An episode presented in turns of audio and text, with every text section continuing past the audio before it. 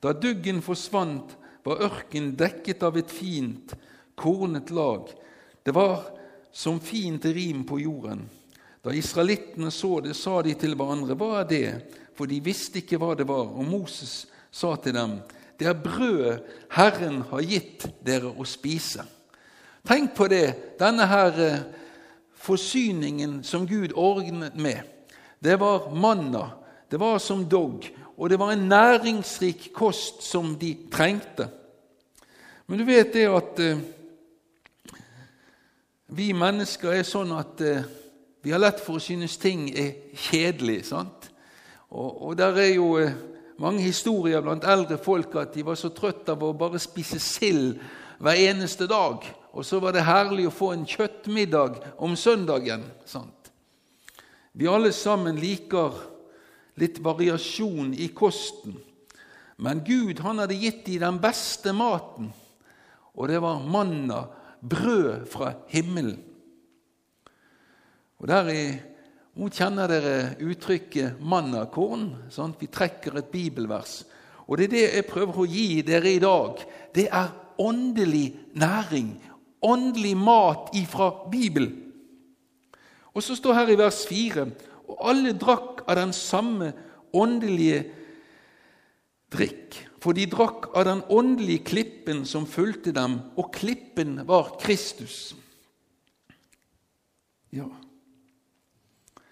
Vannet som fløt fra klippen, det ble kalt såkalt åndelig drikke, fordi det skjedde ved et under. Ja, den åndelige drikken. Det står det ikke, det var ikke står, men det står 'åndelig drikk'. Legg merke til det. Hovedsaken for Paulus her å henvise til at de gamle jøder hadde sin dåp som korinterne. De hadde åndelig mat som korinterne også hadde, nemlig Herrens nattverd. Men det var ingen garanti for det om de hadde dåp og nattverd, at alt ville gå bra. For det, Israel de hadde alt dette ytre i orden. Men allikevel så står profetene frem gang på gang, og så sier han det at de hadde ikke det hjerteforhold som de skulle ha til Herren. Og sånn vet vi det at det går an å ha sånne rammer og strukturer som eh, kan være gudgitte ordninger. Bare se f.eks. på det med ekteskapet. Det går an å være gift, sant? men er det noe født i ekteskapet? Er det noe kjærlighet? Er det noe varme? sant? Det går an å ha den ytre rammen. Det går an å ha et kirkemedlemskap. Og man har dåp, konfirmasjon og jeg vet ikke hva. Alt dette her. Men hvis det er noe i forholdet til Herren som mangler, så bør jo det virkelig være en utfordring. Vi trenger alle sammen rammer, vi trenger grenser. Det trenger alle kristne enige om når vi leser Bibelen, at dåp og nattverd er nødvendige ting. Men dette må være preget av et indre liv. Sånt. Og så står det her at Paulus gir den formaning at de liksom skal være våken som kristne. Det er ikke nok bare å starte opp, men du må fullføre løpet som en kristen. Og så snakker han om en åndelig klippe. Og det syns jeg er det kan, håper ikke det at dere syns det er for vanskelig. og Noen vil si at ja, ja, det var vel mye kananspråk i denne preken. Men det står nå dette er Det nye testamentet. Det var den åndelige klippen, står det. Det er en åndelig dimensjon. Og denne beretningen som står, det står i 2. Mosebok 17, 16. Og Der står det om at eh, Herren sa til Moses at folket skulle få drikke. Og så står det slik Se, jeg skal stå foran deg på klippen ved Horeb. Når du slår på klippen, skal det komme vann ut av den, så folket får drikke. Moses gjorde som Herren sa for øynene på Israels eldste. Han kalte stedet Massiba og Meriba, for der trettet israelitten, og der satte de Herren på prøve de sa, da de sa:" Er Herren iblant oss eller ikke? Altså, det er vannmangel, og så skulle han slå på klippen, men Herren skulle stille seg foran. Og så fikk folket vann å drikke. Og så står det en beretning seinere i 4. Mosebok 2011. Og der får, eh, og det er også vannmangel. Og så ser vi det at Herren sa denne gangen skal du tale til klippen. Du kan lese om dette i 4. Mosebok 20. Du skal tale til klippen, så skal det komme vann ut. Men Moses han var ulydig, og, på, og vi syns gjerne Gud var fryktelig streng. Men, men han fikk ikke komme inn i Kanans land pga. den feilen han gjorde.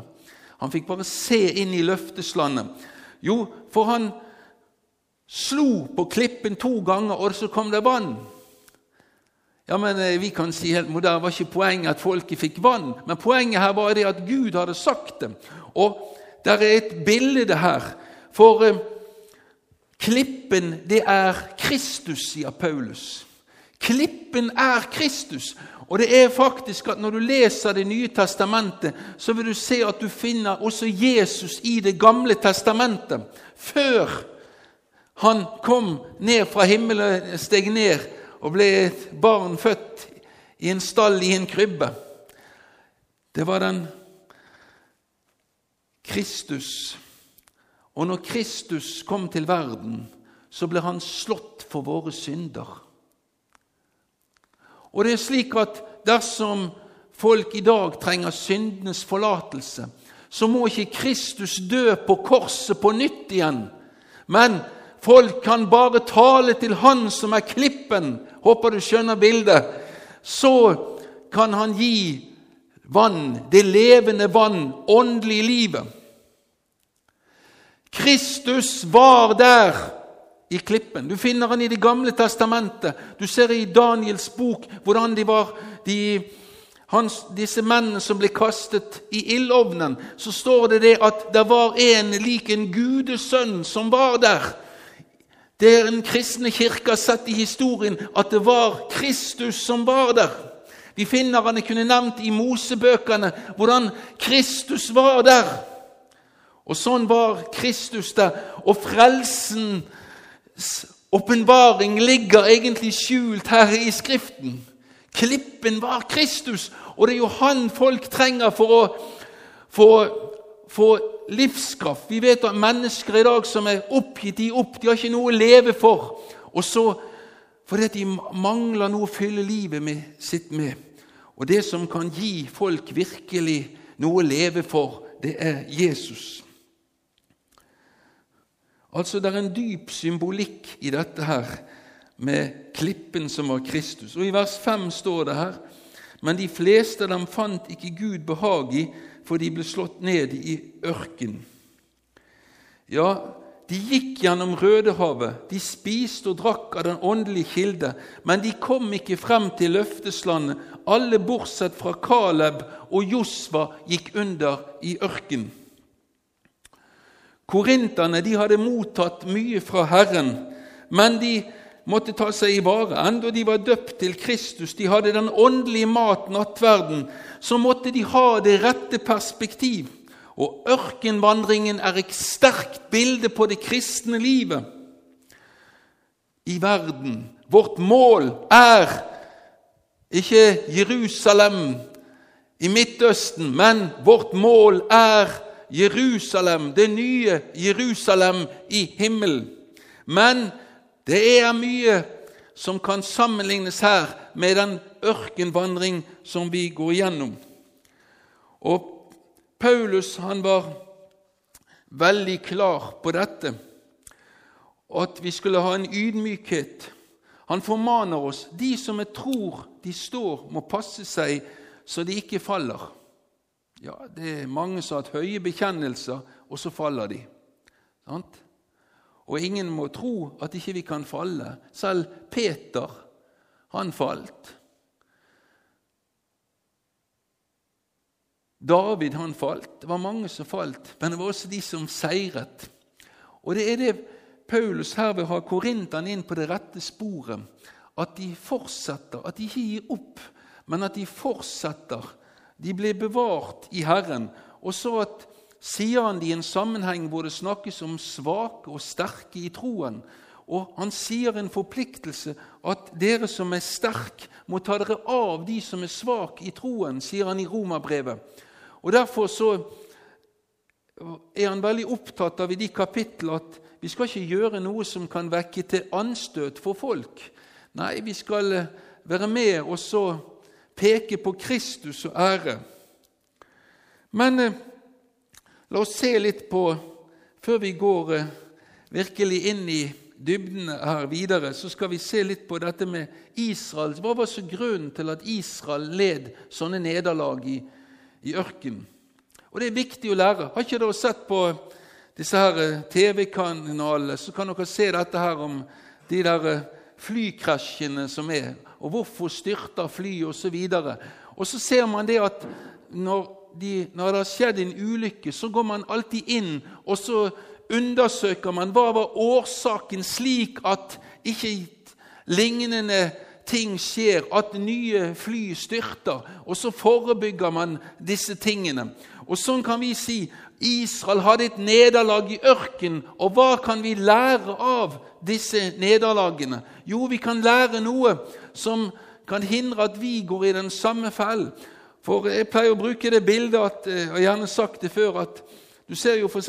i i sportsgren skiskyting.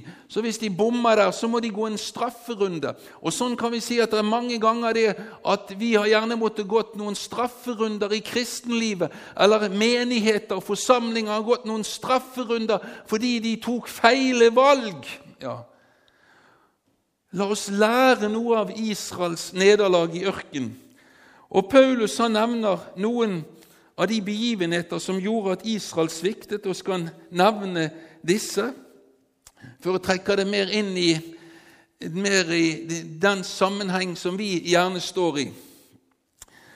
De er fristelsen til avgudsdyrkelse, det er fristelsen til å leve i hor, det er fristelsen til å prøve Gud for langt, det er fristelsen til å klage og knurre.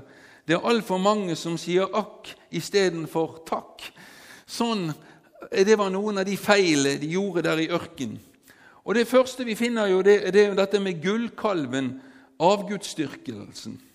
Du har hørt om eh, det er noe som heter nykalvinisme. Det er en del kristne som lærer. Vet jeg var borti en kar sa, som mente dette, og jeg sa det at jeg må bare erklære meg helt uenig.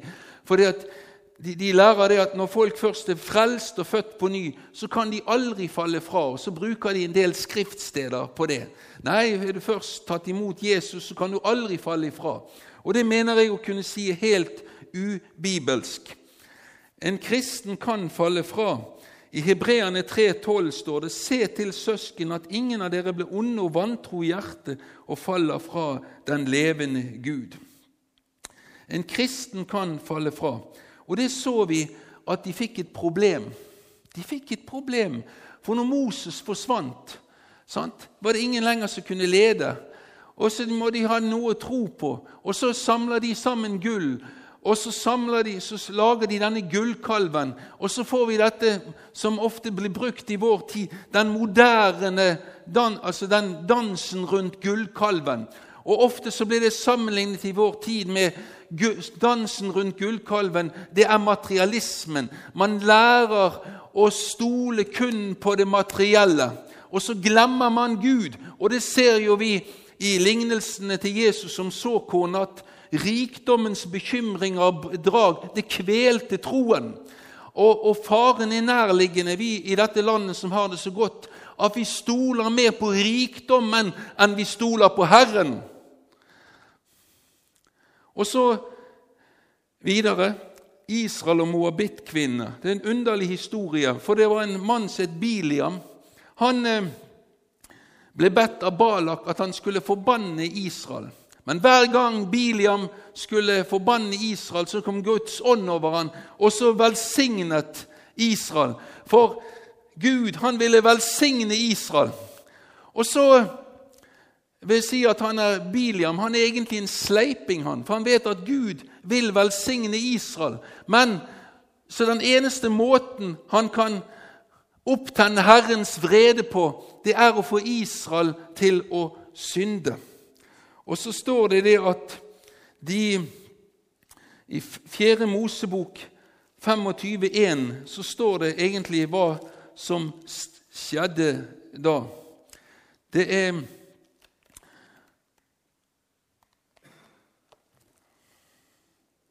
Fjerde Mosebok 25, 1. Israel ble værende i Akasielunden, men folket begynte å drive hor med Moabs døtre.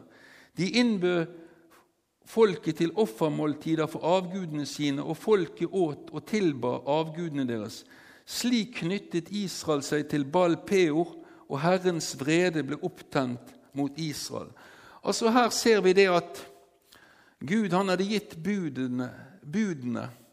Og når Gud gir budene, så var det jo for at vi skulle holde dem. Og så ser vi det at det kom inn seksuell umoral iblant Israels folk. Og det står jo faktisk det at, at eh, Herren så ned på dette. Det var en pest som førte til at 23 000 ble drept av en pest der i ørkenen. Ja, det skulle jo være en alvorlig tanke å tenke på i vår tid med den enorme moraloppløsning som er. Og Jeg sier ikke dette for å dømme noen, for jeg vet det at ting kan gå galt i livet. Men Jesus han sier at dersom vi bekjenner våre synder, så forlater han og synden og renser oss fra all urettferdighet. Så er det noen som det har gått skeivt for, så står Herren og rekker sin hånd, og han vil, kan gjenopprette. Han vil tilgi. Og så står det her en annen feil som de gjorde. Det var knurring. Du skjønner det at de ble lei av denne maten. De ville ikke bare ha manna. De sa 'vi vil ha kjøtt', og så blir folk opphisset av dette. De sier i, Det står i 4. Mosebok 21,5.: Vi husker fisken vi fritt kunne spise i Egypt. Agurkene, vannmelonen, purren, løken og hvitløken. Nå visner vi bort, vi mangler alt. Hvor øynene våre ser ikke annet enn manna. Her begynner de å skikkelig klage. Ja, så står her videre om denne klagingen. Paulus sier her La oss heller ikke friste Kristus, i vers 9. Heller ikke må vi friste Kristus slik noen av dem gjorde og ble drept av slanger. Ja. Og hva var fristelsen? Jo, de, det ble smått med vannforsyningen der ved masse, og de begynte å trette. Og så begynner de å si Er Herren iblant oss eller ikke? Er, er Gud her?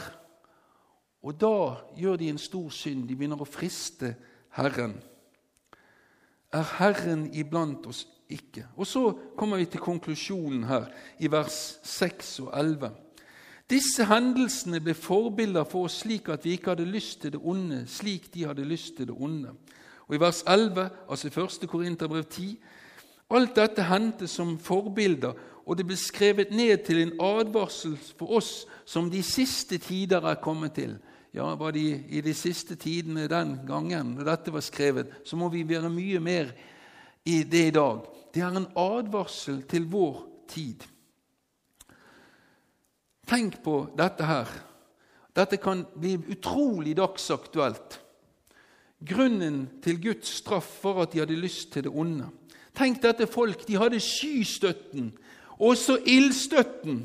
Det var garantert Guds nærvær. De hadde sett enorme under. Vann kom ut av klippen. De hadde vært med på før og sett alle plagene som kom over Egyptens land. Det var frosker, det var mørke, det var så mange utrolige ting som skjedde. Alle disse miraklene hadde de sett, men allike og til og med hadde de sett havet åpne seg, men allikevel så trodde de ikke.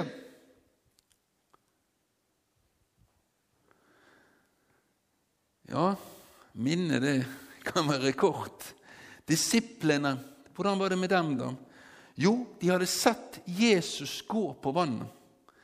De hadde sett døde ble vekket opp, og lamme gikk.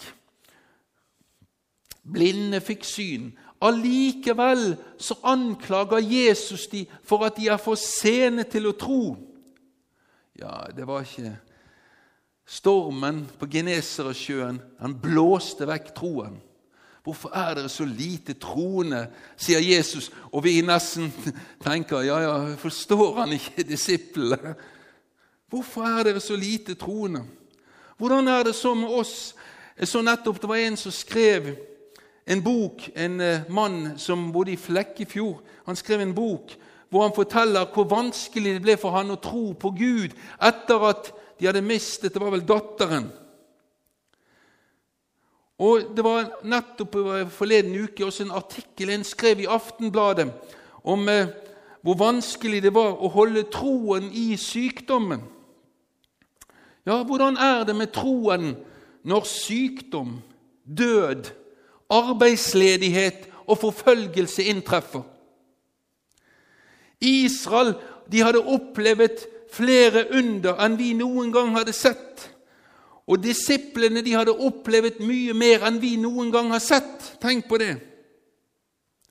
Når livskrisen inntreffer, da blir selv døperen Johannes i tvil. Var Jesus den som skulle komme, eller kunne de vente en annen? Han får høre om at Jesus utfører mirakler mens han selv sitter i fengsel. Hvorfor kan ikke Jesus utfri ham? Jeg er overbevist om at Johannes holdt fast ved troen selv om han ble halshugget. Han sender bud til Jesus via sine disipler. Er du den som skal komme, eller skal vi vente en annen? Tenk på det. Han hadde opplevd å døpe Jesus. Han hadde sett Ånden komme ned over ham. Han hadde vært en svovelpredikant som samlet det, men nå er han i en livskrise, han sitter i fengselet. Var det virkelig sånn at han var Messias? Og så sier Jesus.: Blinde ser, lamme går, spedalske renses og døve hører. Døde står opp, og evangeliet forkynnes for fattige. Og så sier han, og salig er den som ikke faller fra på grunn av meg. Israels historie den lærer oss noe. Men når Paulus har sagt disse her versene her, så, så er han kanskje han er litt redd for at de blir så nedtrykt at han eh, kommer med en oppmuntring her til slutt. Dere er, det er ikke kommet over dere noen fristelse som ikke er menneskelig. Gud er trofast. Han skal ikke la dere bli fristet over evne, men han skal sammen med fristelsen også sørge for en vei ut, slik at dere er i stand til å bære den. Jaha, her er saken. Vi blir nemlig testet. Vi blir alle sammen testet. Og vi kan spørre var ikke det en berettiget kritikk da og når jeg leste De gamle testamentets beretningene Ja, men når det var plutselig problemer med vann, var ikke det en berettiget kritikk da? Og så stiller de dette spørsmålet når det var vannmangel. Er Herren iblant oss eller ikke? For til tross for det de hadde sett. Er ikke det sånn med oss også? Ja, vi har hørt om under og tegn på møter. Vi har vi har opplevd ting i vårt liv, men så opplever vi en ting, en kri, hverdagskrise, og så ber vi, og så føles himmel som lokket. Er Herren iblant oss eller ikke? Nå skal du se 5. Mosebok 8,2. Der finner vi svaret. Du skal huske den lange veien som Herren din Gud førte deg i disse 40 år i ørkenen fordi han ville ydmyke deg og prøve deg å få vite hva som bodde i ditt hjerte, om du ville holde hans bud eller ikke. Han ydmyket, han lot deg sulte, han lot deg spise manna, en mann som verken du eller dine fedre kjente til. Slik vil han la deg forstå at mennesket ikke lever bare av brød, men av hvert ord som kommer fra Herrens munn. Det greske ordet som vi oversetter med fristelse, betyr mer enn prøve. Fristelsen er noe altså som forekommer ikke for å få oss til å falle, men for å prøve oss, slik at vi kan komme ut av det enda sterkere. Og Tenk bare på eh, i dag de bygger, Hvis det ble bygget en bro over Gansfjorden, så er, så er det klart at, at materialet og alt det som er ting, det er utprøvd for det skal kunne tåle en, mer enn en kuling. Det, der. det skal tåle orkan. Det skal tåle en voldsom belastning. Sant? Det må, ting materielle det er utprøvet. Og sånn er det at Gud han ville prøve Israel folk for å se hva som bodde i hjertet. Du finner når vi blir prøvet, så kommer det frem det som bor i hjertet. Jeg husker en gang jeg var kjørt i bil, og så, og så stoppet, og så hadde jeg med noen i bil, og så plutselig så var det en som kjørte inn i oss bak. Og du vet, liksom, da, I et øyeblikk så ble jeg veldig presset, og så sa jeg 'Jesus'. Da kom det frem det at Jesus bodde i hjertet mitt. Jeg kunne ikke legge skjul på det. Sant? Og sånn er det når folk blir presset, så kommer det frem hva de egentlig mener. Og sånn var det i sånn som eh, det står i Det gamle testamentet om at Herren forherdet farao sitt hjerte. Farao han var jo en mann som ville bli likt av jødene, han ville bli likt av folket. Men når han ble utsatt for et press, virkelig press, så ville han ikke la folket fare. Og sånn er det når vi blir presset. Da kommer det frem. Det fortelles om gullet, at når det varmes opp, så kommer all urenheten frem. Har du Når du drikker te, så tar du denne teposen nedi, og nede i varmen så kommer innholdet frem. Og Sånn er det når prøvelsen kommer. Da ser vi hva som bor i våre hjerter. Og hvorfor står vi overfor den ene prøven etter den andre i livet? Og hvorfor ser det ut til å øke intensitet og styrke? Når folk ikke lærte en lekse, brakte Herren en større prøve over dem. Og når de unnlot å stole på Gud ved Maras vann, noe som betydde en større trosprøve De fikk en større prøve, men besto ikke. Men på samme måte som Israel tviler også vi på Gud og knurrer og klager på ham, tross alle velsignelser. Israel levde på erfaringene fra sin pastor og lærer Moses. De hadde ingen egen tro, og når Gud fjernet Moses fra deres midte, så var de frafalne i løpet av 40 dager. Frem med gullkalven! Da kom det frem, det som bodde i deres hjerte. Det samme skjer med kristne i dag. Når de hører Guds ord, så forplikter man på å lyde Herrens ord. Men i virkeligheten så er det så lett å bygge på andres erfaring. Man fòrer seg med undervisningskassetter, man går på seminarer, man hører om de som har hatt pastorer som har spesielle åpenbaringer, men de mangler selv en dypere erfaring med Kristus. Og Derfor så ser du at folk, noen de reiser, plutselig så reiser de til Amerika, så reiser de til Østen, for de skal møte Herren. De bygger på andre og ikke har en selv erfaring, sånn som apostel Paulus sa 'Jeg vet på hvem jeg tror'. Han var sterkt forankret i sin Kristusnærhet, og enda når han skriver til menigheten, så sier han veldig klart det 'Å, måtte jeg kjenne ham', og kraften av hans oppstandelse og samfunnet med hans lidelser. Det var en sterk lengsel etter å komme inn i dypere Kristus-samfunn. En predikant kan oppgløde og inspirere og ikke tro at det er galt. Jeg vet Når jeg hører på veiene, så hører ofte på Nytt Liv Media, denne radiokanalen. Jeg syns det er flott. Det er mye fint å høre der. Vi tar med oss inspirasjon, men vi må leve i det nære Kristus-samfunnet. Disiplene som hadde sett Jesus gå på vannet, vekke opp døde, helbrede syke, de ble også testet. På Genesaretsjøen blåste opp en veldig storm. Jesus sover i båten. Den tause Gud. Disiplene sa, 'Herre, bryr du deg ikke om at vi går under?' 'Vi synker. Jesus, hjelp oss!' Og det var ikke noen de var ikke noen idioter, de var yrkesfiskere. De så dette ville kollapse. Men eh, de fristet Herren. Er Herren iblant oss eller ikke? Jesus visste hele tiden hva han gjorde. Han eh, visste det at de da fokuserte på bølgene istedenfor på han.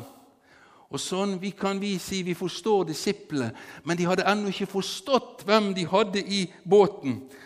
Å friste Herren begynner når Gud tillater en livskrise å intensivere seg. Hvorfor gjør han dette? Hva er han ute etter? Vår Herre tillater at dette kan skje slik at han kan få fatt i de siste røttene av vår vantro. Disiplene de trengte denne testen. Snart skulle de se Jesus lide og dø. Senere skulle de fengsles, forfølges, ja, enda mistes sitt liv. Ja, tenk på det, hva de hadde erfart gjennom denne stormen. Senere så ble de fengslet, de ble forfulgt, de var hjelpeløse. Men hadde, de hadde gått i Herrens skole, og de hadde lært.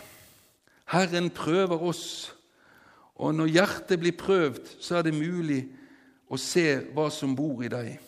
Gud er trofast. Jeg skal slutte, avslutte med dette. Det står at vi ikke skulle fristes over evne.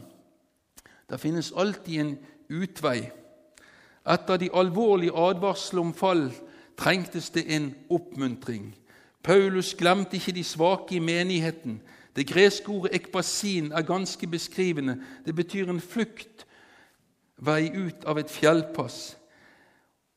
Det forklares slik av en bibelfortolker. En kan tenke seg en hær som er helt omringet, men som plutselig ser en fluktvei ut i sikkerhet. Det er ingen som behøver å falle i en fristelse, for i fristelsen er det en utvei, ikke til overgivelse eller tilbaketrekning, men seierens vei i, av Guds nåde.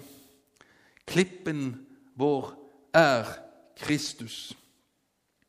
Teksten formaner oss til ydmykhet. Den som tror han står, må passe seg så han ikke faller. Jesus har gitt oss et løfte. Han vil være med oss alle dager. Og det vil jeg si avslutningsvis at jeg har opplevd det å være dypt nede i dalen og ikke har sett noen utgang på det hele. Det har vært som å være i en ørkenstorm. Du ser ikke noen ting, og du lurer på hvor er veien videre. Men jeg må si det at, at av de årene jeg har levd nå, jeg er 59 år, så har jeg lært det å se mer og mer det. Han er med! Og apostel Paulus sier vi er alltid presset, men ikke knekket. Vi har slått, men ikke utslått. Vi bærer alltid merken av Jesu død på vår kropp.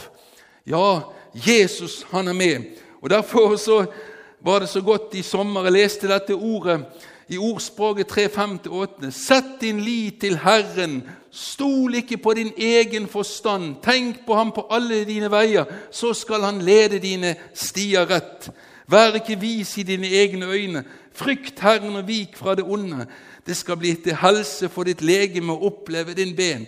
Opplive dine ben. Du verden for en injeksjon av optimisme, av glød.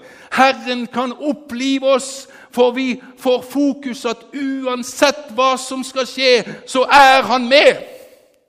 Halleluja. Det er herlig, altså.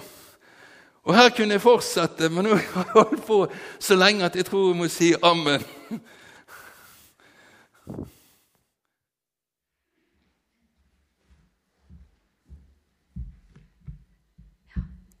vil jeg takke deg for at du